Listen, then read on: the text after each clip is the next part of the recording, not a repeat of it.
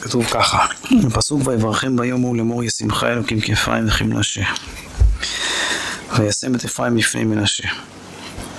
זה הסיפור המפורסם שיעקב שיקל את ידיו כשהוא מברך את השבטים בסוף ימיו. אז קודם נבוא לבאר מאמר חכמינו ז"ל בשביל להסביר את כל הדבר הזה אז הוא רוצה להסביר את מה שכתוב במגילה.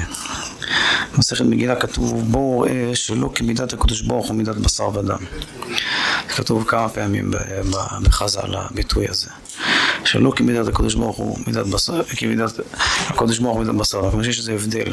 כל פעם שחז"ל מונים הבדל, יש הרבה הבדלים בהיסטוריה בין הקדוש ברוך הוא, אבל כל הבדל שחז"ל כאילו מציינים אותו, אז זה משהו, משהו אופייני.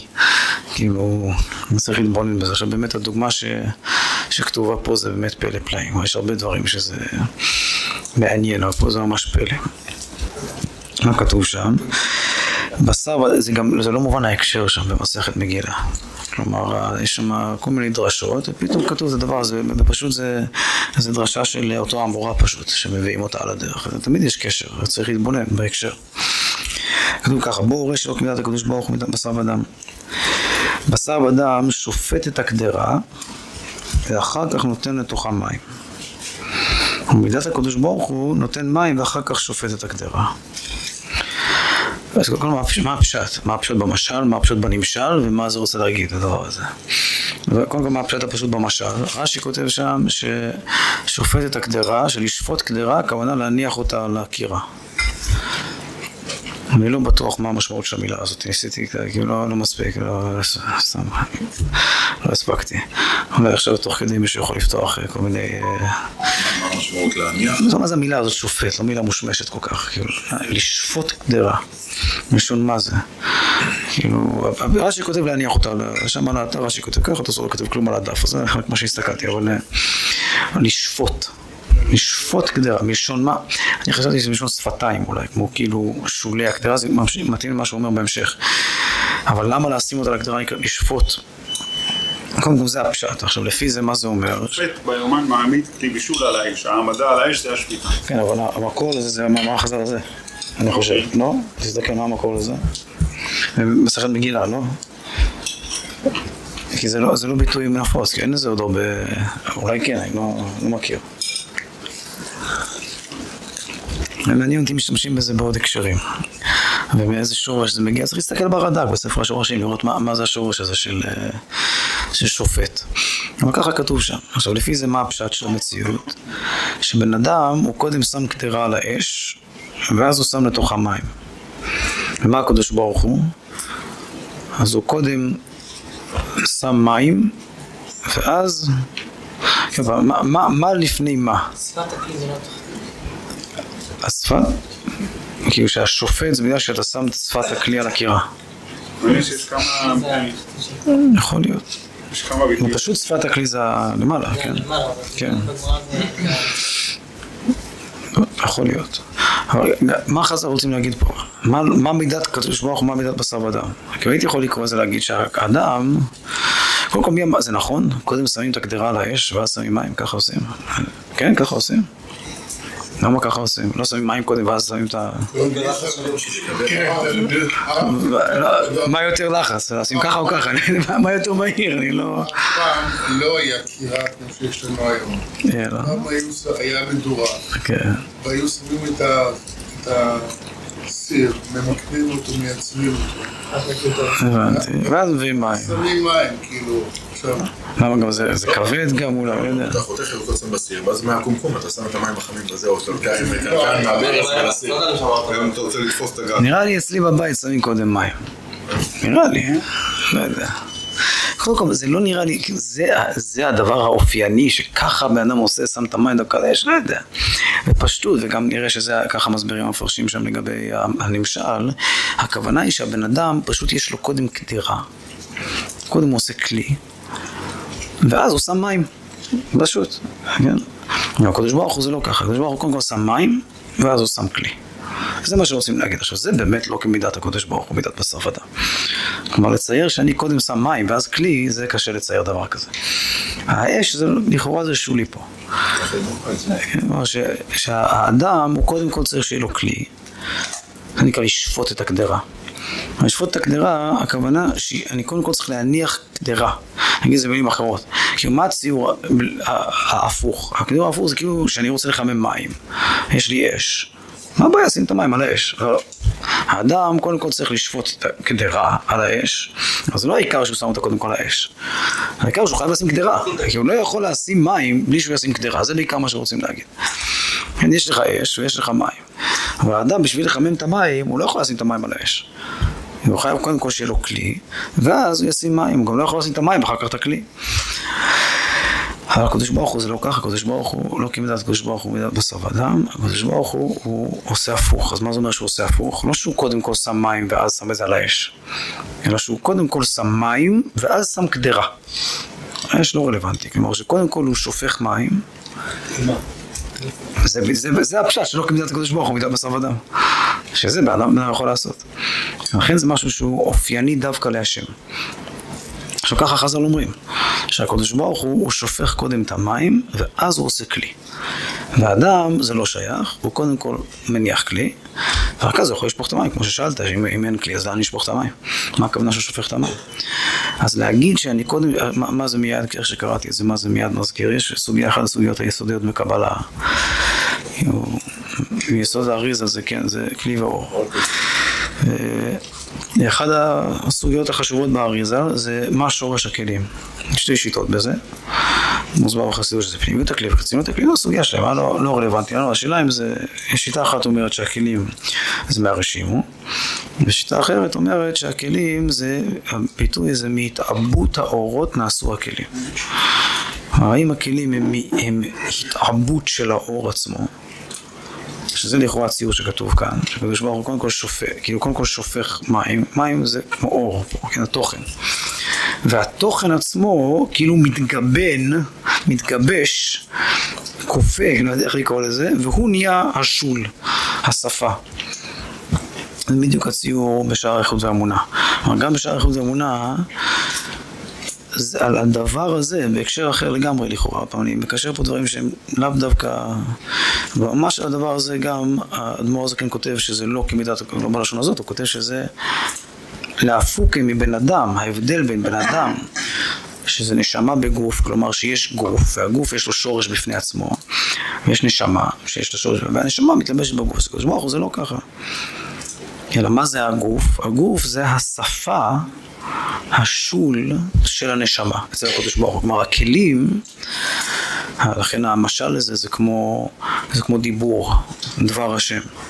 כשאני מדבר, אז זה, האותיות שאני אומר, כמו החיתוכים של הצלילים שאני אומר עכשיו, אז האותיות הן לא משהו נפרד מההבל.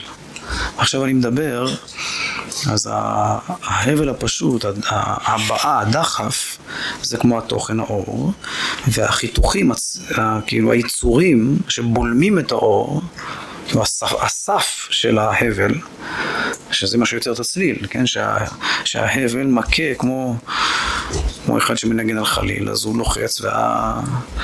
הבלימות יוצרות את הצלילים השונים, כאילו מעצבות את האור. אבל אז אם אני לוקח את המילים שאני אומר עכשיו, אז ה... זה, זה יחסית אורות וכלים, זה גם יחסית נשמה וגוף. אבל פה זה לא שיש, אין איזה כלי אחר מהאור. אלא מה זה הכלי? זה כאילו השפה, הגבול של האור. כאילו איפה שהאור נבלם, זה הכלי שלו. זה משל לרשימו או להתאבות? אז זה, זה משל לעיבוי, זה נקרא עיבוי האורות, כלומר שאין שורש נפרד, זה לא שיש שורש הכלים ושורש האורות ואז מתלבשים אחד בשני, אלא שיש אורות, והאורות יש להם סף, והסף זה הכלים, סף האורות זה הכלים. אז, אז משל שאדמו"ר הזה כן מביא, זה כמו דיבור, התורה אומרת את המשל הזה, דבר השם. שגם בדיבור יש תוכן ויש אותיות, יצורים. אבל הייצור הוא לא משהו מלבד האות, כלומר הוא לא איזה מציאות חיצונית מלבד האות, מלבד, מלבד האמירה, כן?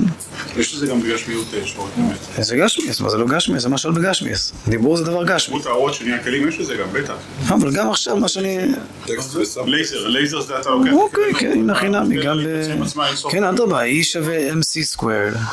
E שווה MC בריבוע של איינשטיין, מה זה? שכל החומר זה אנרגיה. לא, מה זה הפונקציה הכי חשובה של איינשטיין, זה שהחומר הוא אנרגיה.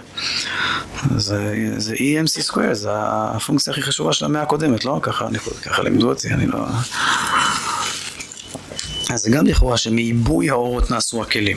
כלומר שמה שאתה מרגיש פה זה בעצם אה, אורות שהתעבו. אבל לא פעם, המשל היפה, הפשוט, חזרו לזה דיבור.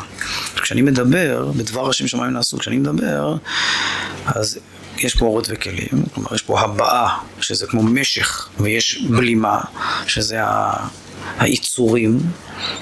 היצורים זה הכלים והדיבור, המשך זה ההבל, זה האורות, אבל זה לא שתי דברים, כלומר, זה לא שיש פה איזה משהו, איזה כלי שבולם, אלא עצם הבלימה של האור יוצר את ה... הוא הכלי. הסף של האור זה הכלי, כמו שאני אומר גבול, כמו גבול של מדינה. אז גבול זה לא איזה משהו. מכיוון המדינה מגיעה עד איפה שהיא מגיעה, וזה הגבול. הגבול הוא לא משהו מלבד ה... בני אדם כדי לתפוס משהו חייבים גבול, להבדיל מהקדוש ברוך אז, אז בן אדם בכלל, אצלו הוא, הוא כאילו תחת האורות והכלים. אז אצלו האור יש לו את השורש שלו והכלי יש לו כמו גוף הנשמה. אצלי הגוף והנשמה זה באמת שני דברים נפרדים. הגוף לא מהווה, הנשמה לא מהווה את הגוף. אז הגוף לא סף הנשמה. הנשמה, הגוף קיים מצד עצמו. הנשמה מתלבשת בו, והגוף מגביל את הנשמה, אבל הגוף הוא לא תוצר של הנשמה. הדוגמה שלו בשעה איכות והמולה. אותו דבר, אני עכשיו לוקח מים, אני שופך אותם לתוך כלי. אז הכלי הוא לא תוצר של המים, המים לא בוראים את הכלי. אמנם הכלי הוא סף המים, אבל הוא סף חיצוני למים. אז אני, זה מידת בשר ודם, שאני צריך סף מחוץ ל... ל... לאור, נקרא לזה. הקדוש ברוך הוא, הוא עושה את הסף שלו מתוך האור. בהתעבות האורות נעשו הכלים. עכשיו פעם, בקבלה הקדוש ברוך הוא עושה גם ככה וגם ככה. אני רק, זה מה שזה צלצל לי, איך שקראתי, זה מה שזה הכי צלצל לי. עכשיו הוא רוצה להגיד את זה באבוידס, משהו, כאילו, לתרגם את זה ליום יום, מאוד מאוד יפה. משהו בהבנת דרכי, דרכי השם. משהו שחז"ל מציינים אותו, כאילו זה טיפוסי. רוצים להכיר את הטיפוס של הקדוש ברוך הוא, הוא טיפוס כזה ששופך את המים ואז שם כלי. זה הטיפוס שלו. בן אדם, לא טיפוסי לא ככה לעשות. בן אדם באופן פשוט, הוא קודם שם כלי, אז שופך את המים, תנסה במטבח לשפוך מים ואז כלי, תראה שזה לא טיפוסי. אבל הקדוש ברוך הוא, אתה עושה איזה סוג טיפוס הוא, הוא שופך מים, והופ, נהיה מזה כלי. זה, סף המים הם הכלי. עכשיו זה משהו באמת בקבלה מאוד עמוק, הוא גם מסביר מאוד טוב את מה שקורה פה. מה זה שונה משם ההבדל של סימן הקדוש ברוך הוא לבשר אדם שהוא תובע מטבעות לכולם באותו דבר? יש הרבה, לכן יש הרבה הרבה ביטויים כאלה, כל אחד צריך להתבונן בו. וגם באמת כל אחד, כל אחד מהביטויים בחז"ל שכאילו אומרים זה מידת הקדוש ברוך הוא, כל פעם אתה קורא זה כזה. זה מידת הקדוש ברוך הוא, זה, זה הפועל, צריך להתבונן בזה לעומק, אז גם זה.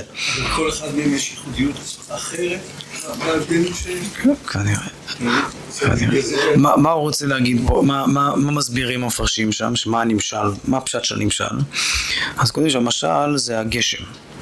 שהקדוש ברוך הוא קודם אוגר גשם, מים עליונים, ורק אז הוא מביא עננים לקלוט אותם. עכשיו זה גם בגשם, זה קצת מוזר הבירור הזה. אפילו הידע שלנו היום, על כל פנים, הענן הוא, הוא הגשם, כלומר זה לא שיש איזה...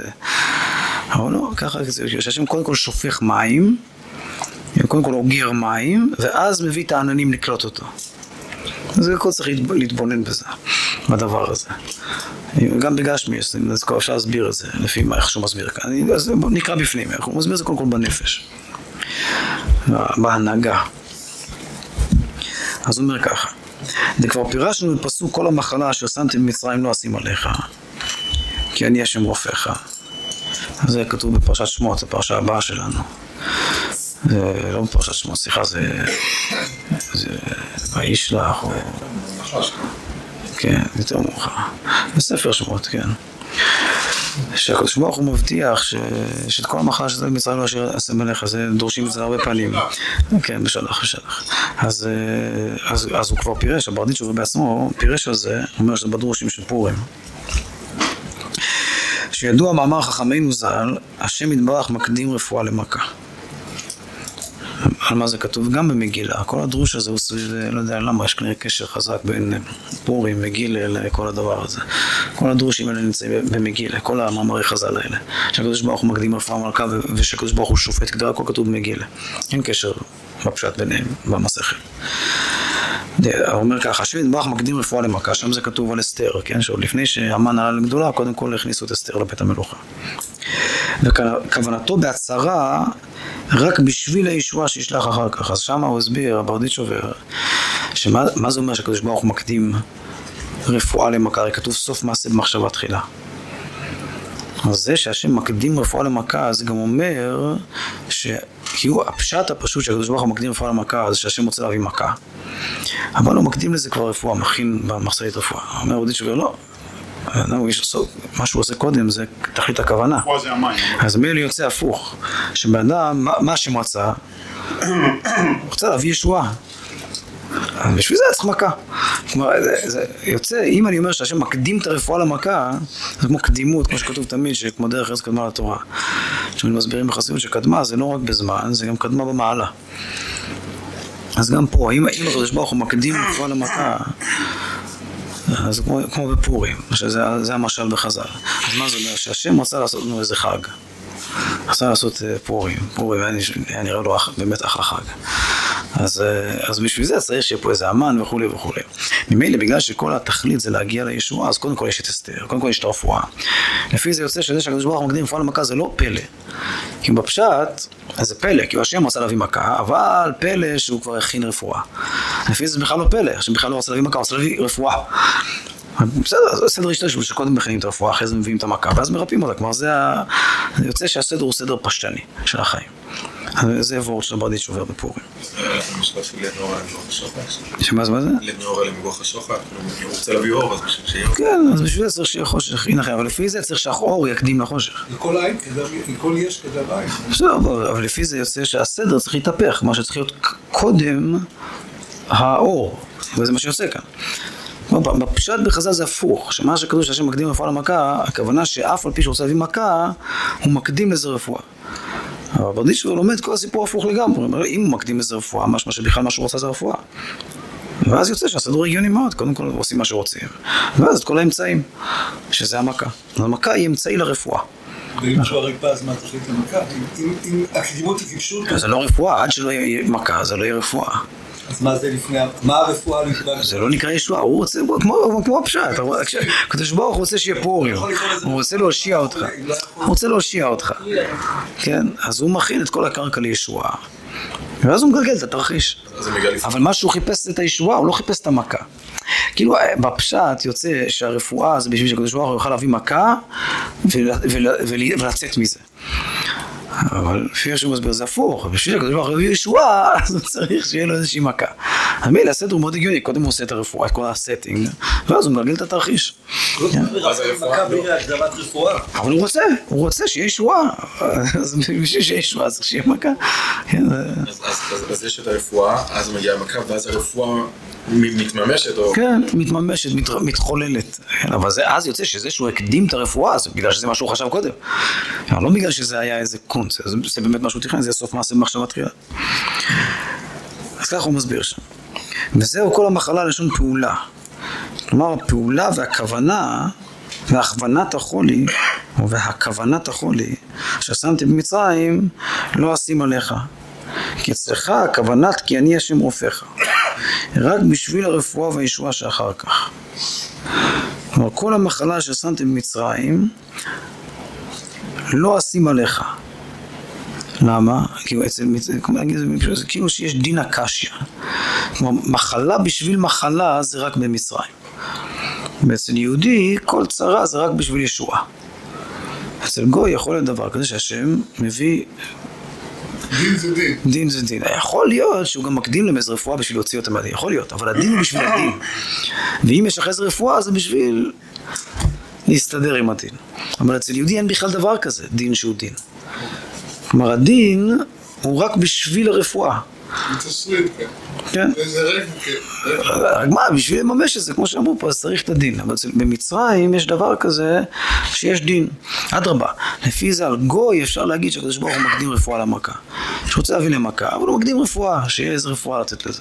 אצל יהודי זה הפוך, רוצה להביא רפואה. כן?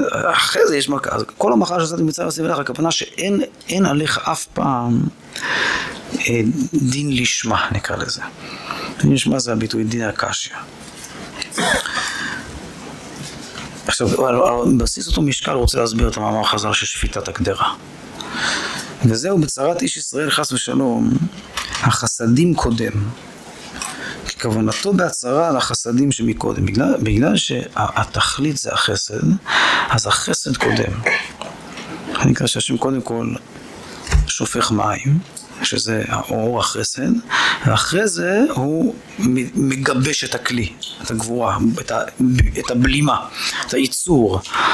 מה שהייצור הוא מהתעבות ההשפעה. אין ייצורים בפני עצמם. אין דבר כזה שורש עצמאי לדין, אלא הדין הוא רק סף החסד. איך זה נקרא בחב"ד בדרך כלל בחסידות, זה נקרא תגבורת גשמים, כמו עכשיו בחורף. גבורות גשמים. מה זה גבורות גשמים? כאילו זה כאילו חסד תקיף, שיורד בתוקף. הגבורה היא כמו הסף של החסד. אני אסביר את זה. רק על ידי החולי האדם נעשה כלי לקבל השפע. אז גם החולי הפשוט של האדם, כמו שאנחנו מדברים תמיד, זה כלי לראות את אור השם.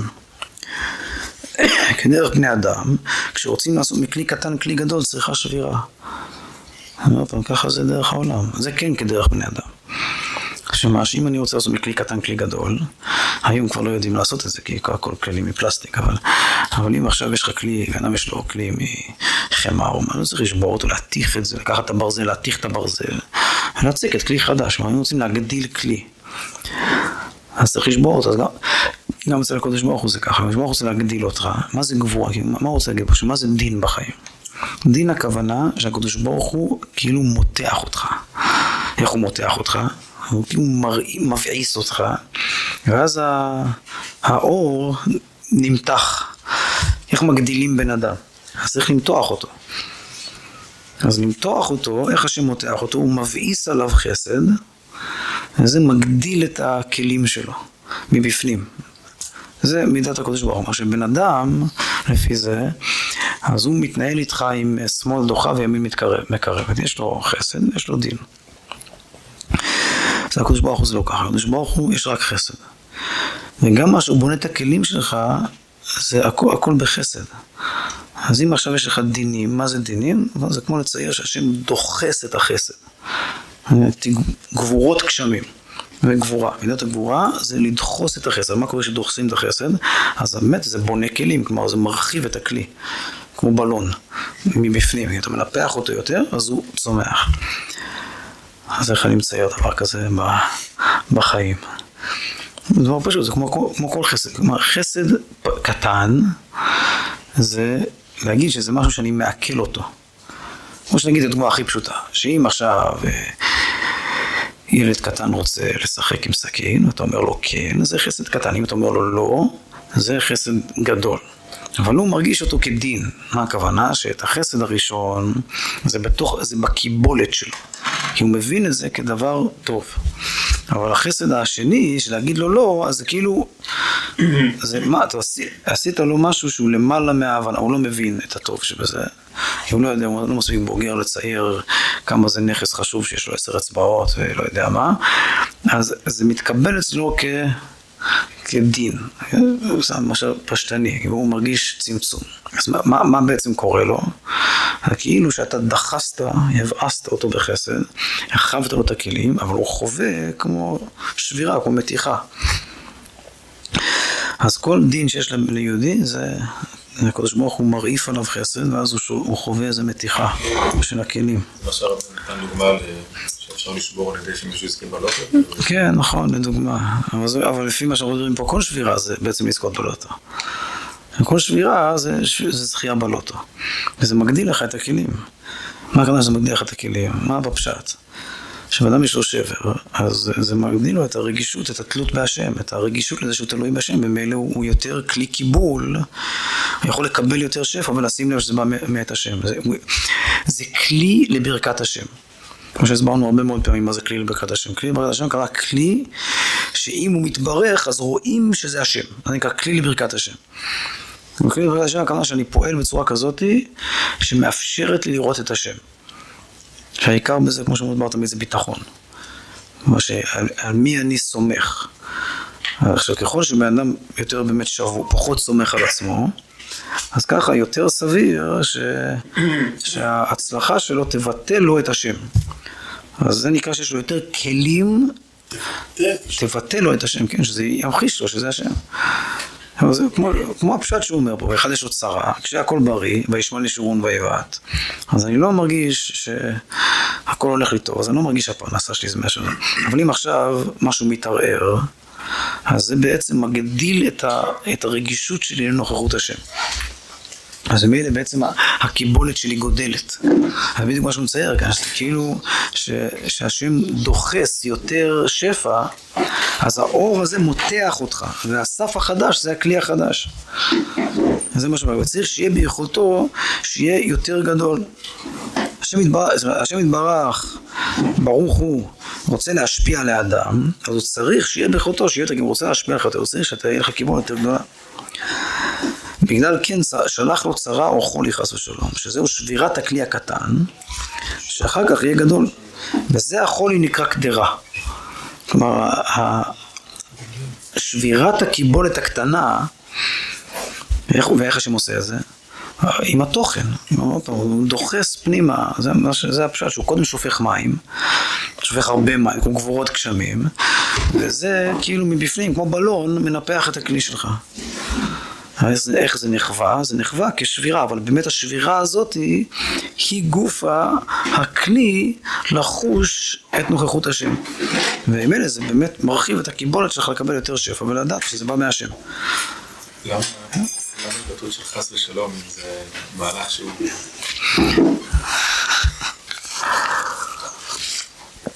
רוצים שיהיה בחסד ורחמים. תמיד שואלים את זה, כאילו זו תמיד השאלה. לכן באמת בכל התפילות, תמיד אנחנו אומרים את זה בימים הנוראים, ש, שתמיד ביום כיפור, וכל התפילות אחרי שמבקשים הרבה שפע והרבה רחמים וכולי וכולי, אז בסוף בסוף רק מזכירים לא על ידי איסורים וחלאים רעים. למה? למה זה תמיד כתוב בסוף התפילה? כי מי שמבין קצת, אז הוא מבין שזה לגמרי הא בהתליא. כלומר, כשאני מתפלל שיהיה לי הרבה ישועה והרבה טוב והרבה חסד, מה הכוונה? הכוונה שהישות שלי תקטן והנוכחות של השם תגדל. שבמובן קונבנציונלי זה נקרא ייסורים. כלומר, ש, שאם אתה אומר זה במובן הקונבנציונלי, זה נקרא ש... אם אני אומר את זה יפה, אז זה נקרא שאני ארגיש שאני בידיים של הקדוש ברוך הוא, והוא דואג לי לכל צרכיי, ואין לי שום דבר לדאוג ממנו, זה נקרא לקרוא לזה יפה. אבל להגיד את זה בחוויה מוכרת יותר, זה נקרא שאני אמצא את עצמי תלוי על בלימה, וכל היציבות שלי תתרסק, ואותו דבר בדיוק. רק זה הסף של זה, זה השול של הדבר הזה, נקרא אורות וכלים, שזה דבר אחד. אז לכן כשאנחנו מבקשים הרבה אורות, אז בסוף אומרים אבל שזה לא ילדי עשרים וחלק, אז באמת זה פרדוקס, אמרנו הרבה פעמים הסברנו שהמשפט הזה שלא ילדי עשרים וחלקים רעים זה כמו להתפלל על דעת. על דעת. כאילו שאני, שאני יבין נכון. אבל כמו... זה הכל שאלה של איך אני תופס את זה. כשאני מרגיש צער או ביטוש, אז בעצם אני צריך להגיד לעצמי, עכשיו אני חובש קדוש ברוך הוא שופך לתוכי מים. אז הכלל הגדול אצלנו תמיד זה שלא צריך להגיד לעצמי שום דבר אף פעם. לא, אף פעם לא אומרים כלום. אף פעם לא אומרים כלום. מה שכן, יש דברים שאפשר להבין אותם באמת, אם מבינים אותם, אז לאט לאט זה גם מחלחל לחוויה. אם זה לא חלחל לחוויה, אז אין מה לספר לעצמך שום סיפור. אף פעם אנחנו לא אומרים שום דבר. כן, אז בטח לא, מנטרות אנחנו לא... אז זה מה שאמרתי, שמתפללים על דעת, שאני כאילו שאני אקלוט טוב את העסק. כן, כי הקדוש ברוך הוא עכשיו רוצה להרחיב אותי. אז אני מכיר את עצמי, כלומר יש סיכוי מאוד גדול שאני אקרא לזה ייסורים ואיך שיתחיל השפע לבוא אני, אני אתחנן שהשם ישחרר אותי, יוצא לי מהחיים, אני רוצה, אני רוצה להסתדר בלעדיך עוד פעם.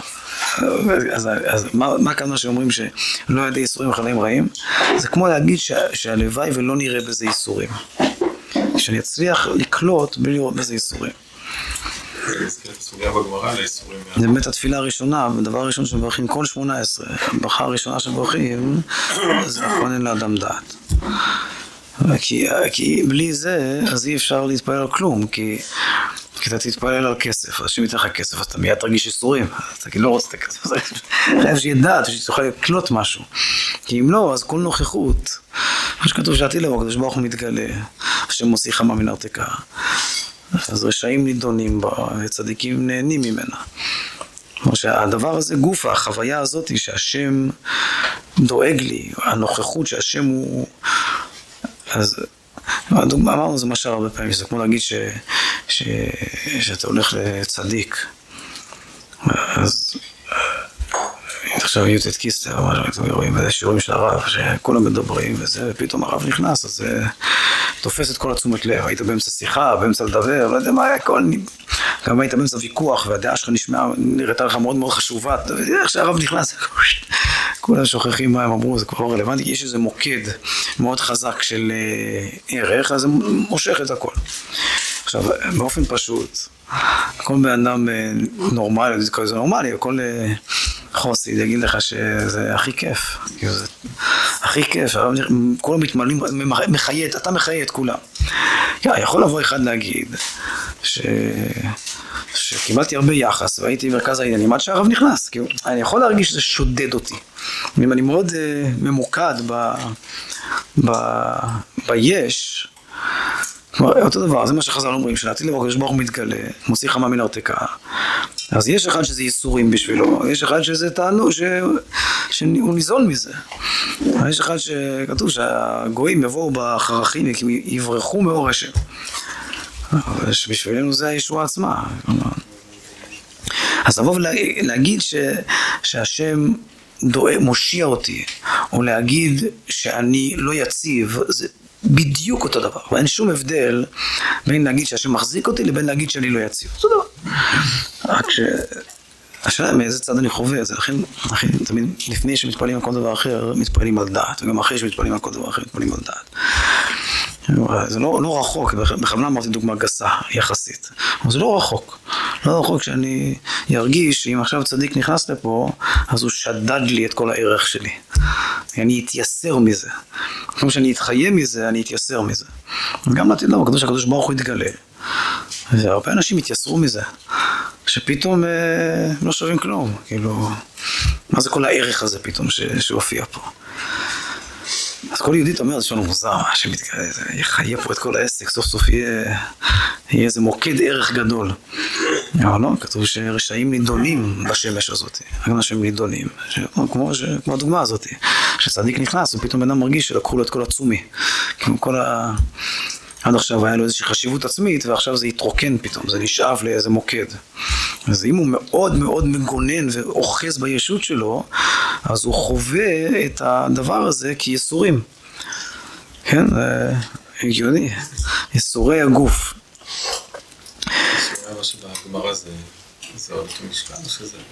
כל, כל ייסורים זה ככה. לא, שביקשו ש... כמה שאדם יותר אוחז בישות שלו, כמו הדוגמה שאנחנו גם אוהבים, של הסוגי מיטה שיש. כן, שחז"ל מונים שיש 200 ומשהו מדרגות של מיטה. כן, כן, אסכרה זה הכי חמור, שזה כמו... אז כן, אז מה תמיד, מה הנקודה שם, כאילו, שזה השאלה כמה אתה אוחז ביש, כאילו כמה נשמה כאילו נועצת ציפורניים. למשל לאסכרה זה כמו להוציא קוץ מגזעת צמר. מה הכוונה שזה? תופס חזק. ולהוציא שערה מכוס חלב, שזה מיטת נשיקה, זה כאילו... אותו דבר פה, אם הרב יצחק נכנס, ואתה, כי אתה יוצא מעצמך בקלילות, אז אתה, מבחינתך אתה רק קורא לזה תענוג. זה רק חיוס. אבל אם זה, זה לתלוש בבשר החי, כי אתה כל כך אחוז בישות שלך, אז זה ממש ייסורים. הפנים שבגמרא שביקשו ש... שלא יהיו ייסורים. כן, אוקיי, זה כמו להתפלל על דעת לצורך העניין. אמר לארץ דע את השם. גם אנחנו מתפעלים על ייסורים, שלא על ידי ייסורים וחלאים רעים. אז רבי הסברנו שאיך אפשר גם להתפלל על נוכחות השם, גם לרצות שהשם יופיע, וגם לרצות שזה לא יהיה על ידי ייסורים, הרי זה אותו דבר. אז בסדר, הדרך הכי טובה שמצאתי להסביר לעצמי זה, זה שזה נקרא שאתה מתפלל על, על דעת. ש... מה ההבדל בין אני אגיד שהשם מחזיק אותך, או אני אגיד שאתה לא יציב? הכל תלוי מאיזה צד אתה חווה את זה. אם אתה חווה את זה, חווה את זה מצד הישות שלך, אז זה נקרא שערערו אותך. אם אתה חווה את זה מצד השם, אז זה נקרא שמחזיקים אותך. השאלה באיזה צד אתה חווה את זה. בדיוק כמו הדוגמה הזאת עכשיו עם, עם צדיק שנכנס. בסדר, אבל אז מה זה אומר? אז יש בזה איסורים. למה איסורים? כי היש מתייס... כאילו היש מתערער. אם אתה תהיה ממוקד בו, אתה תחווה איסורים. כי אני כבר לא במרכז, יש מישהו אחר שבמרכז. כן, מה? מה ההבדל בין להגיד שהרב יצחק מילא אותך בערך, לבין להגיד שהוא שדד לך את כל הערך? מה ההבדל? השאלה איפה הדעת שלך נתונה. כלומר, אם אתה נתון מאוד חזק בערך של עצמך, אז אתה תחווה את אותה חוויה בדיוק כשוד. זה נקרא ייסורים. אבל זה לא, זה לא, יש את הצד שזה לא ייסורים. אז זה מה שאני אומר, שזה אותו דבר, הייסורים והלא ייסורים. זה מה שחז"ל אומרים, שהשמש מתגלה, השמש הוואי מתגלה, צדיקים נהנים ממנה, ניזונים ממנה, ורשעים מתייסרים ממנה, מאותו דבר בדיוק. אותה חוויה מייסרת אחד, מה זה תלוי? תלוי איפה דעת הנתונה. הרי אם הדעת נתונה בהשם, אז, אתה מרגיש שיש פה התגלות. אם הדעת נתונה בך, אז יש פה התעלמות, יש פה החשכה. כן? אז יוצא שלהתפלל שלא יהיה ייסורים זה כמו להתפלל על דעת, זה מה שהסברנו הרבה פעמים. אז שהוא עדיין קצת, אה, ככה יוצא, כן, שזה בדיוק הפשט שם. שהוא עדיין טיפה כואב לו על ה... הוא מרגיש שאתה נורא כיף לך, הכי כיף לך בעולם שהרב נכנס, אבל אתה קצת חבל לך על ה... בדיוק באתי להגיד איזה וורט פנינה. טיפה, הוא, הוא, הוא עוד קצת מרגיש, אפילו לא במודע. יש בו צד שחבל לו על... עוד שנייה שהרב היה נכנס. כן. הוא שהיה קצת פחות נכנס. למלות כל מקום ההיכל, זה כזה קיצוני. אפשר להשאיר לי גם איזה פינה להתגדר בה. זה נקרא צדיק ורע לו, שעדיין... אז ממילא, ממילא גם יש לו, באמת גם קצת נשאר בו רע, וגם קצת יש לו ייסורים, רע לו, קצת רע לו. כי הוא טיפה רע לו מזה ש... ש... שהשם נכנס. זאת אותו פשט, כי הוא גם יש בו רע, וגם רע לו. בגלל שיש בו רע, אז רע לו. כי זה קצת כואב לו על עצמו. יש לו קצת ייסורים. זה פשט, צדיק ורע לו. רק שאם זה צדיק, אז זה כפוף אצלו לטוב, כלומר שזה לא העיקר. בסוף תשאל אותו איך הרגיש כשהרב נכנס. אז עכשיו שאמרנו את הדבר הזה, אז כל אחד, אז הוא אומר, כן, נכון, יש איזה משהו בשוליים של האישיות, זה נקרא צדיק ורע לו יחסית. הייתי שואל אותך ככה, אה, מוזר, בהתחלה זה היה מוזר להגיד כזה דבר. כשהרב ייכנס ואחד ירגיש שגנבו לו את התשומת לב. מוזר להגיד דבר כזה. כי הוא צריך לצייר איזה מישהו גס בשביל אה, לצייר את זה. אבל אם עכשיו אומרים את זה בדקות, אז זה איפשהו בשוליים של האישיות, אז כל אחד הוא גס. אם נגיד דוגמאות יותר מצויות, אז כל אחד הוא גס במרכז של האישיות. זה משהו אה, קצת אה, מוגזם.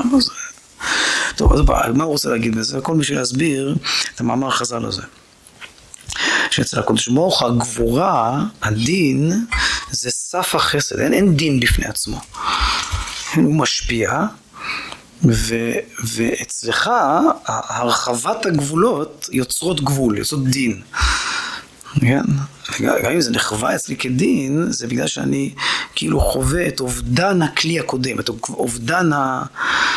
אובדן הנוחות נקרא לזה, כאילו הפרופורציות שחייתי בהן, שמרחיב אותי, אז זה מערער אותי. כן, כל, כל המדדים בבורסה עכשיו אז לפני שהעסק מתיישר על העושר החדש, אז יש רגע של אובדן היציבות הקודמת. אז כמה שהייתי יותר מזוהה עם היציבות, הכוחי ועוצם ידי שבזה, אז ככה אני יותר מתייסר מהאובדן הזה. אם לא הייתי מחובר לזה יותר מדי, אז אני מיד נסחף אחרי ההתחדשות. אבל ככל שאני מחובר לסף הקודם, אז אני יותר מתייסר. אבל אצל הקדוש ברוך הוא אין בכלל צד אמיתי של גבורה. זה מה שהוא רוצה להגיד בעיקר. רק אני מגביל את עצמי, אין הגבלה מצד. אני מרגיש את הצד הזה ואת הצד הזה, אבל אצלו הוא רק משפיע, והגבול כאילו ממילא. כי אתה, אתה, כי אתה מנפח את הבלון, אז יוצא שהוא גדל, אבל אצלו זה רק חסד. זה מה שכתוב, שהקדוש ברוך הוא קודם כל שם מים, ואז שופט קדרה. מה שהקדרה היא כאילו תוצר לוואי של זה שלמים יש סף. אבל זה לא שיש איזה דין בפני עצמו, שהשם בא ועושה דין, אין דין. השם עושה חסד, ו... ומכלכל, כאילו הכלים זה התעבות החסד.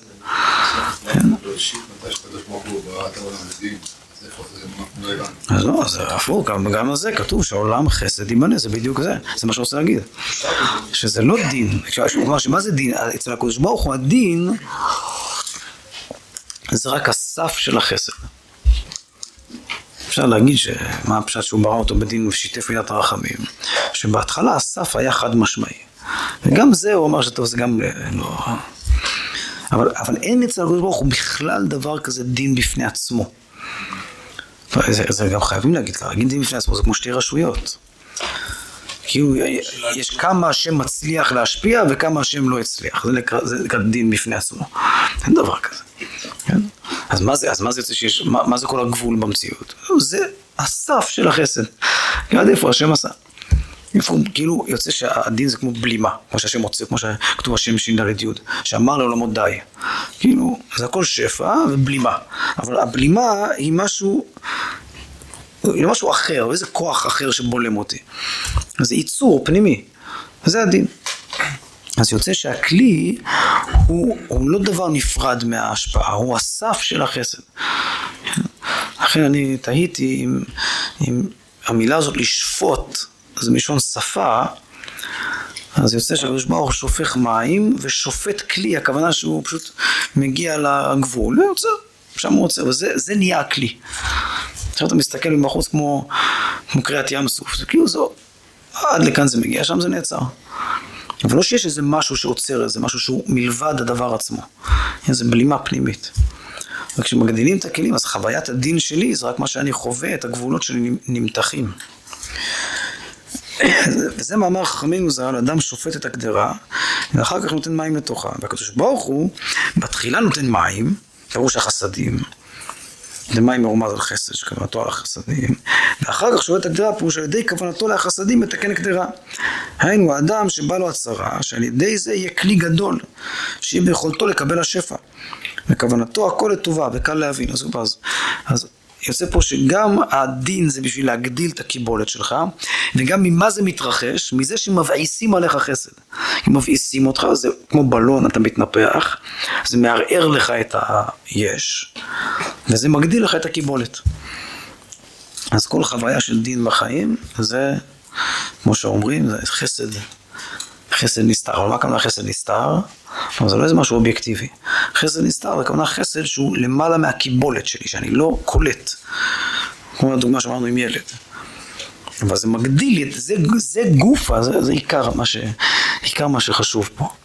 כשאני אומר שיש חסד נסתר, אז הכוונה שהחסד הוא עצמו פועל לבנות לי קיבולת לקלוט אותו. אם, אם אני סתם אומר חסד, אם אני לא אומר את כל המהלך הזה שלו, אני לא מצייר את זה ככה, אז איך אני מבין מה זה חסד נסתר? הכוונה שאני לא... נגיד כמו הדוגמה שאמרנו עם ילד, שאמא לוקח לו את הסכין, אז מה זה חסד נסתר? גם שהוא לא יכול להבין. אבל אנחנו מבינים. אז זה לא, זה לא מה שכתוב כאן, זה לא מספיק להגיד ככה. חסד נסתר הכוונה להגיד שבונים לך קיבולת חדשה. הכונן לאדם דעת. ושהקדוש ברוך הוא, בזה שהוא משפיע לך חסד, הוא כאילו מגדיל את, ה, את הקיבולת שלך לקלוט את החסד. כי הדין, הכלי, הוא מוכל בתוך ההשפעה. אנחנו מתפללים על הדעת, שאנחנו נזכה להבין את ה... זה בא יחד עם החסד, כלומר כל פעם שהשם נותן חסד, הוא נותן קיבולת. יש ביידיש ביטוי כזה שאי אפשר להשפיע על בן אדם, נתקן הקופ, אי אפשר לתת לו ראש. שאם יש תלמיד, אז אם הוא חכם אפשר ללמד אותו, אם הוא לא חכם אי אפשר ללמד אותו. חסידים אומרים שהקדוש ברוך הוא יודע לתת גם ראש, כלומר, שהוא לא רק יכול להסביר לך אם אתה חכם, הוא יכול גם לתת לך, לעשות לך חכם, כלומר הוא יכול לתת לך קיבולת, לא רק למלות קיבולת קיימת. זה מה שאני רוצה להסביר כאן, שכשהשם, החסד של השם זה שהוא מגדיל אותך וההגדלה היא יוצרת את הקיבולת עצמה, איך היא יוצרת הקיבולת? הפעם שהערעור שמלווה זה גופה מעצים את הרגישות לנוכחות השם. כלומר זה גוף היסורים האלה, זה מקטין לי את הכוחי ועוצם ידי וממילא מעצים לי את הוא נותן לך כוח וממילא אני נהיה יותר כלי לראות את, את ישועת השם אז הפעולה הזאת היא מגדילה לי את הקיבולת מיני ובה. בדיוק כמו הציור הזה, שאני משפיע מבפנים, ואז השוליים גדלים, מתנפחים. אז יחד עם השפע מגיעה הקיבולת. אז אותו דבר בנפש, מה השם נותן לך חסד, זה שבהתחלה זה מערער אותך, זה גוף המגדיל לך את הרגישות לתלות שלך בהשם, וזה יוצר אצלך יותר קיבולת. אז הכלים הרחבים שלך הם, הם כאילו רוכבים על השוליים של השפע. ציור מאוד יפה. שלא ככה הקדוש ברוך הוא, מה יוצא לפי זה, נגיד, שכאילו, נגיד זה בנפש, שבן אדם הוא מאוד זהיר. שהוא לא, לא ייתן לך מתנה עד שהוא יסביר לך טוב טוב שזה מתנה. כי אני, אני לא יודע, אין לי את הכישרון הזה גם להשפיע לך ו, ומתוך ההשפעה גם שתקלוט שזה שפע. אני קודם כל צריך להסביר לך, כי כמה שאתה יודע לקלוט ככה אני יכול להשפיע לך. אתן דוגמה, אם יש, אה, אם יש בן אדם ש...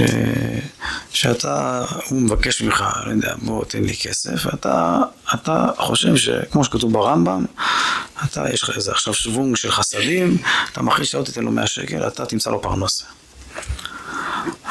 אז אתה לא אומר לו, קח 100 שקל. אומר לו, לו, אז אני לא, אני לא רוצה איתך 100 שקל, אני רוצה שתבוא איתי מחר לאיזה פגישה. אז מה הוא יגיד לך? עזוב, נו, אל תשגע אותי. מה, מה אתה, לבקש 100 שקל, תן לי 100 שקל, חרפן אותי עכשיו, תבוא איתי לפגישות, אז אני יודע. אם הוא לא כלי לזה שתאתגר אותו, אז אתה לא יודע גם, כי אתה לא יודע מתוך ההשפעה לייצר את הכלים. אם הוא כלי לזה, אז הוא כלי לזה, אם הוא לא כלי לזה, אז אתה לא יכול לתת לו את זה. אז באמת, אתה, כאילו אתה חייב, אין לך מה לעשות, אתה חייב לתת את המאה שקל. כי הוא לא כלי שתחנך אותו. כמובן, הקדוש ברוך הוא יודע לתת לך מאה שקל בצורה שמחנכת אותך. הוא יודע, בתוך השפע, כשהוא משפיע לך, יחד עם ההשפעה, הוא, מות, הוא, הוא מותח אותך מבפנים החוצה. אבל זה לא נכון, אפילו בכניסה לארץ, אז זה כל כך עצמי. כל מה? כוחי ועצמי, בן אדם יכול לקבל. זאת אומרת שגם הקדוש ברוך הוא לא תמיד מצליח, כמו שצריך לחנך אותך. כן.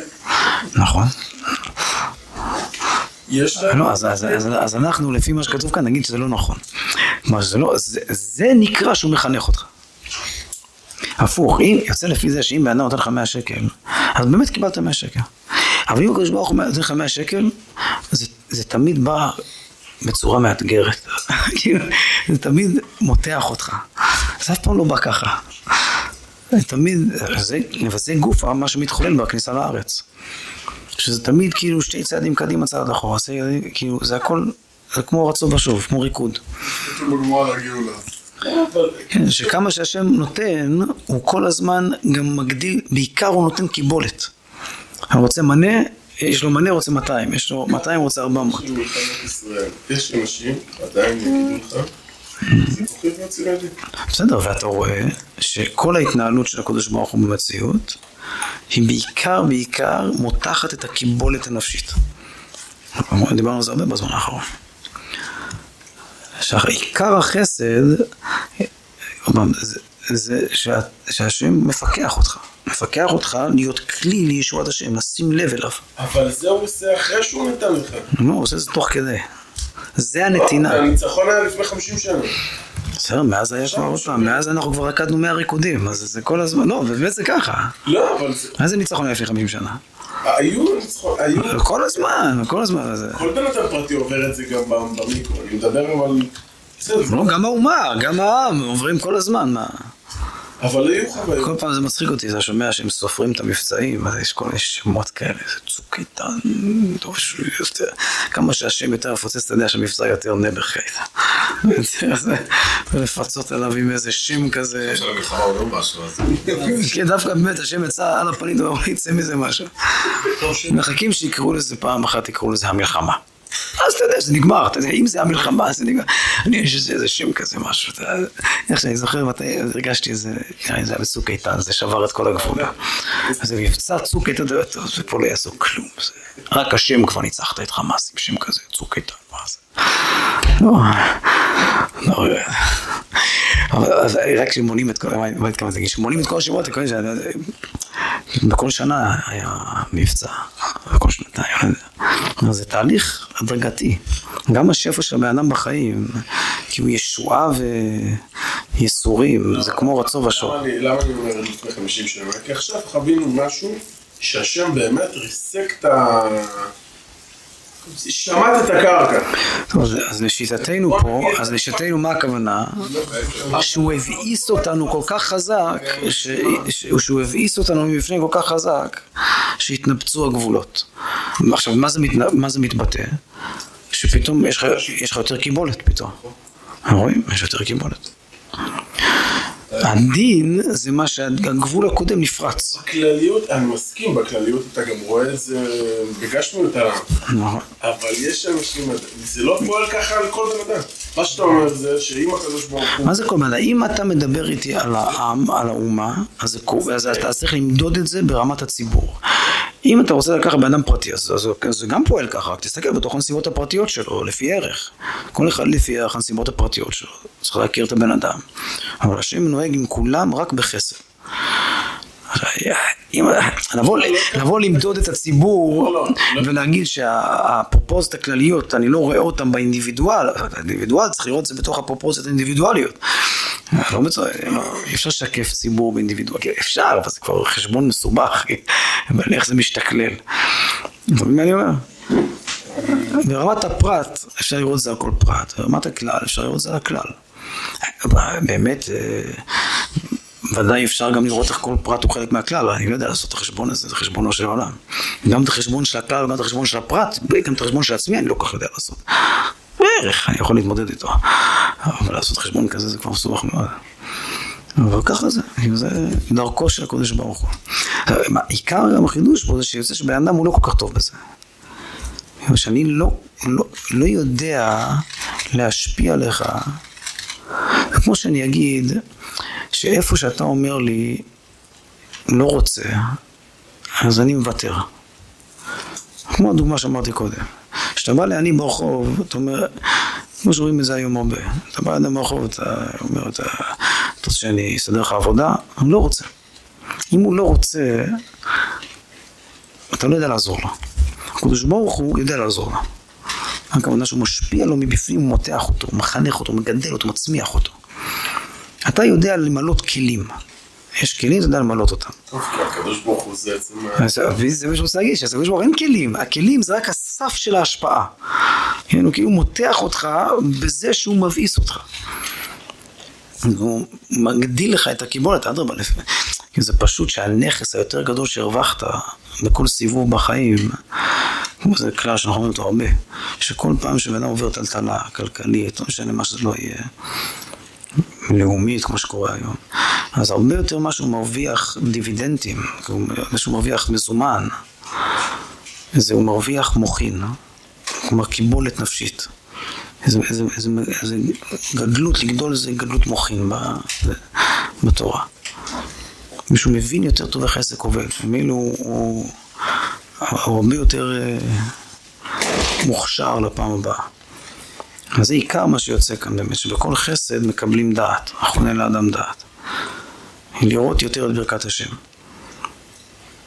זה גם כאילו להשפיע ראש, זה כמו הביטוי הזה שאמרנו קודם, שמורה אנושי יודע ללמד אותך את כל השכל שאתה יודע לקבל.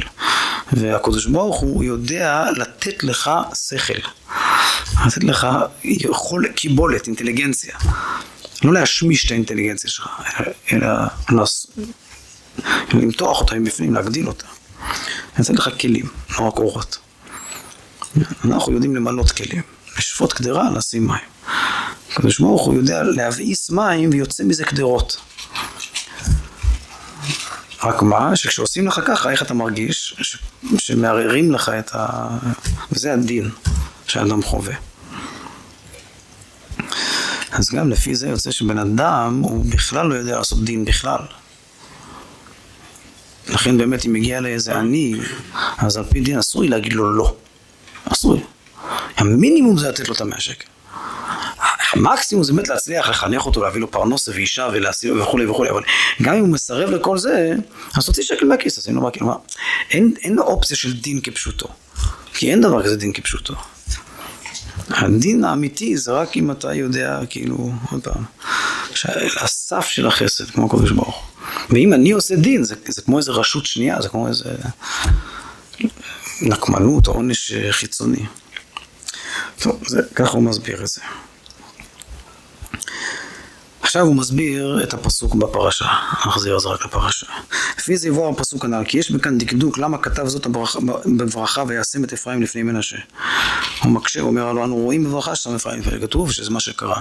ושיחל יעקב ידיו, ואז כתוב שהוא בירך את אפרים, ואז מנשה. אז למה התורה צריכה להגיד ששם את אפרים לפני מנשה, רואים את זה, זה מה שמסופר. כאילו זה מיותר הכפילות הזאת, שהתורה מצהירה על זה שהוא שם את אפרים, הקדים את אפרים למנשה. לפי חז"ל הנ"ל יבואר, שגם זה היה מהברכה שברך את ישראל. והנה כתבנו שבישראל הישועה והרפואה הוא מקודם. כלומר ש... שהישועה, הרפואה, היא קודמת ל... מה זה מחשבה תחילה. שהמכה זה בשביל הישועה ולא הפוך, בדיוק כמו פה. שהדין זה בשביל שיהיה יותר קיבולת, כאילו זה, זה מתיחת הקיבולת שלך. והשם משפיע חסד וזה יוצר מתיחה של הקיבולת. אבל לא, לא הדין הוא המטרה אף פעם. והוא העיקר הכוונה בצרת ישראל על הרפואה ועל הישועה שבא אחר כך. כדי שיהיה כלי יותר גדול כנ"ל. והנה השם של מנשה רומז על הצרה. ככתוב ויקרא שמו מנשה כי נשני אלוקים. והשם של אפרים מרמז על הישועה, כמו שכתוב כי אפרני אלוקים. ובאמת בישראל עם קדוש, הישועה הוא מקודם, והוא העיקר, עזוב, זו דוגמה יפהפייה, שיוסף, איך קרא לבנים שלו, איך הוא חווה את מה שעובר עליו. אז הוא חווה קודם מנשה, ואז אפרים, קודם כל הוא חווה שהשם עשה לי פה דין, כאילו פרץ אותי, הוא לא קרא לזה פרץ אותי, הוא קרא לזה רק שבר אותי, כן, דין. ואחרי זה הוא גילה שבעצם הדבר הזה הפרעני אלוקים פרצוני, היה בזה חסד. אבל הקדוש ברוך הוא, מה אומר לו? שאצלי בכלל זה אפרים לפני מנשה, אני בכלל, אני פרצתי אותו, כי אני השפעתי לך, ואתה נמתחת, אפרים, ואז מנשה.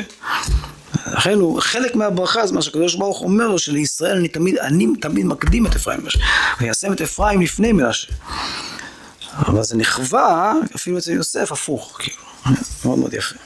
והשם של אפרים מאוד ישועה כי אפרים אלוקים כולי וזהו וישם את אפרים הוא הישועה לפני מנשה שמרמז על הצרה כלומר שבישראל עם קדוש הישועה והרפואה הוא קודם והוא העיקר כנ"ל. מאוד מאוד יפה. כן. אבל העיקר זה שהוא מקדים שכאילו אתה חווית שנפרט, התערערת ואז נושעת. אבל אני, אני הושעתי אותך, ומזה נפרצת. אצלי זה אפרים ואז מנשה.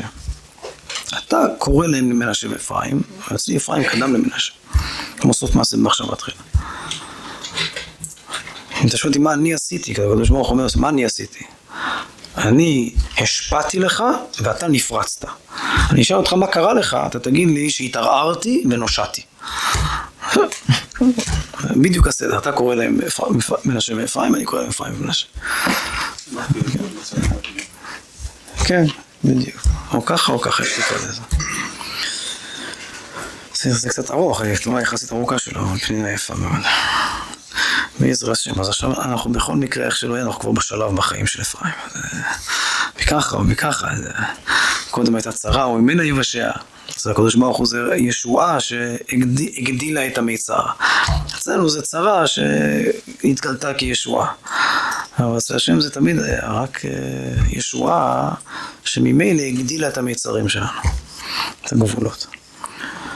צריך גם שזה יתבטא בגשמיאס, שיהיה הגדלת הגבולות. זה פשיטה שזה... שנגדיל את הגבולות בגשמיות. זה פשוט. באמת בשביל שזה יקרה צריך שיהיה ישועה מאוד מאוד גדולה. ולא על ידי ייסורים וחלאים רעים. רבים.